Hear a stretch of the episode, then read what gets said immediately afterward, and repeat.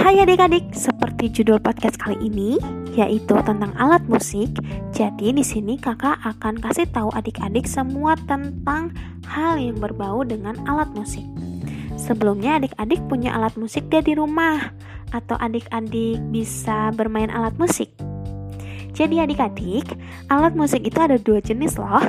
Yang pertama itu alat musik melodis dan yang kedua alat musik ritmis. Jadi alat musik melodis sama ritmis itu apa bedanya kak? Jadi adik-adik, bedanya itu kalau alat musik melodis menghasilkan nada dan mempunyai irama. Kalau alat musik ritmis itu tidak menghasilkan nada adik-adik.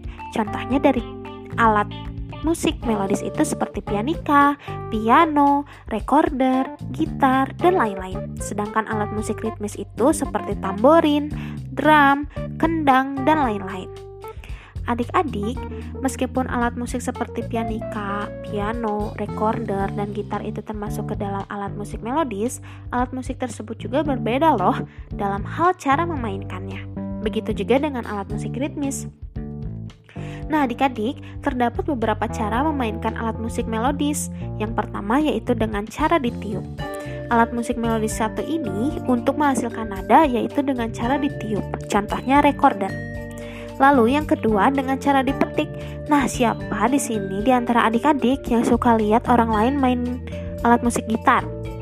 Nah, adik-adik, gitar itu salah satu alat musik melodis yang menghasilkan nada dengan cara dipetik. Lalu yang ketiga, ada dengan cara ditekan. Alat musik ini akan mengeluarkan nada dengan cara ditekan yaitu seperti piano. Yang keempat, dengan cara digesek. Jadi adik-adik, alat musik ini akan menghasilkan nada dengan cara digesek, contohnya biola. Nah, selanjutnya kakak akan jelasin cara memainkan alat musik ritmis. Biasanya alat musik ritmis ini dimainkan dengan cara dipukul dengan tangan atau dengan alat bantuan dan juga digoyangkan atau dikocok. Yang pertama, terdapat alat musik ritmis yang menghasilkan nada dengan cara digoyangkan yaitu seperti tamborin dan marakas.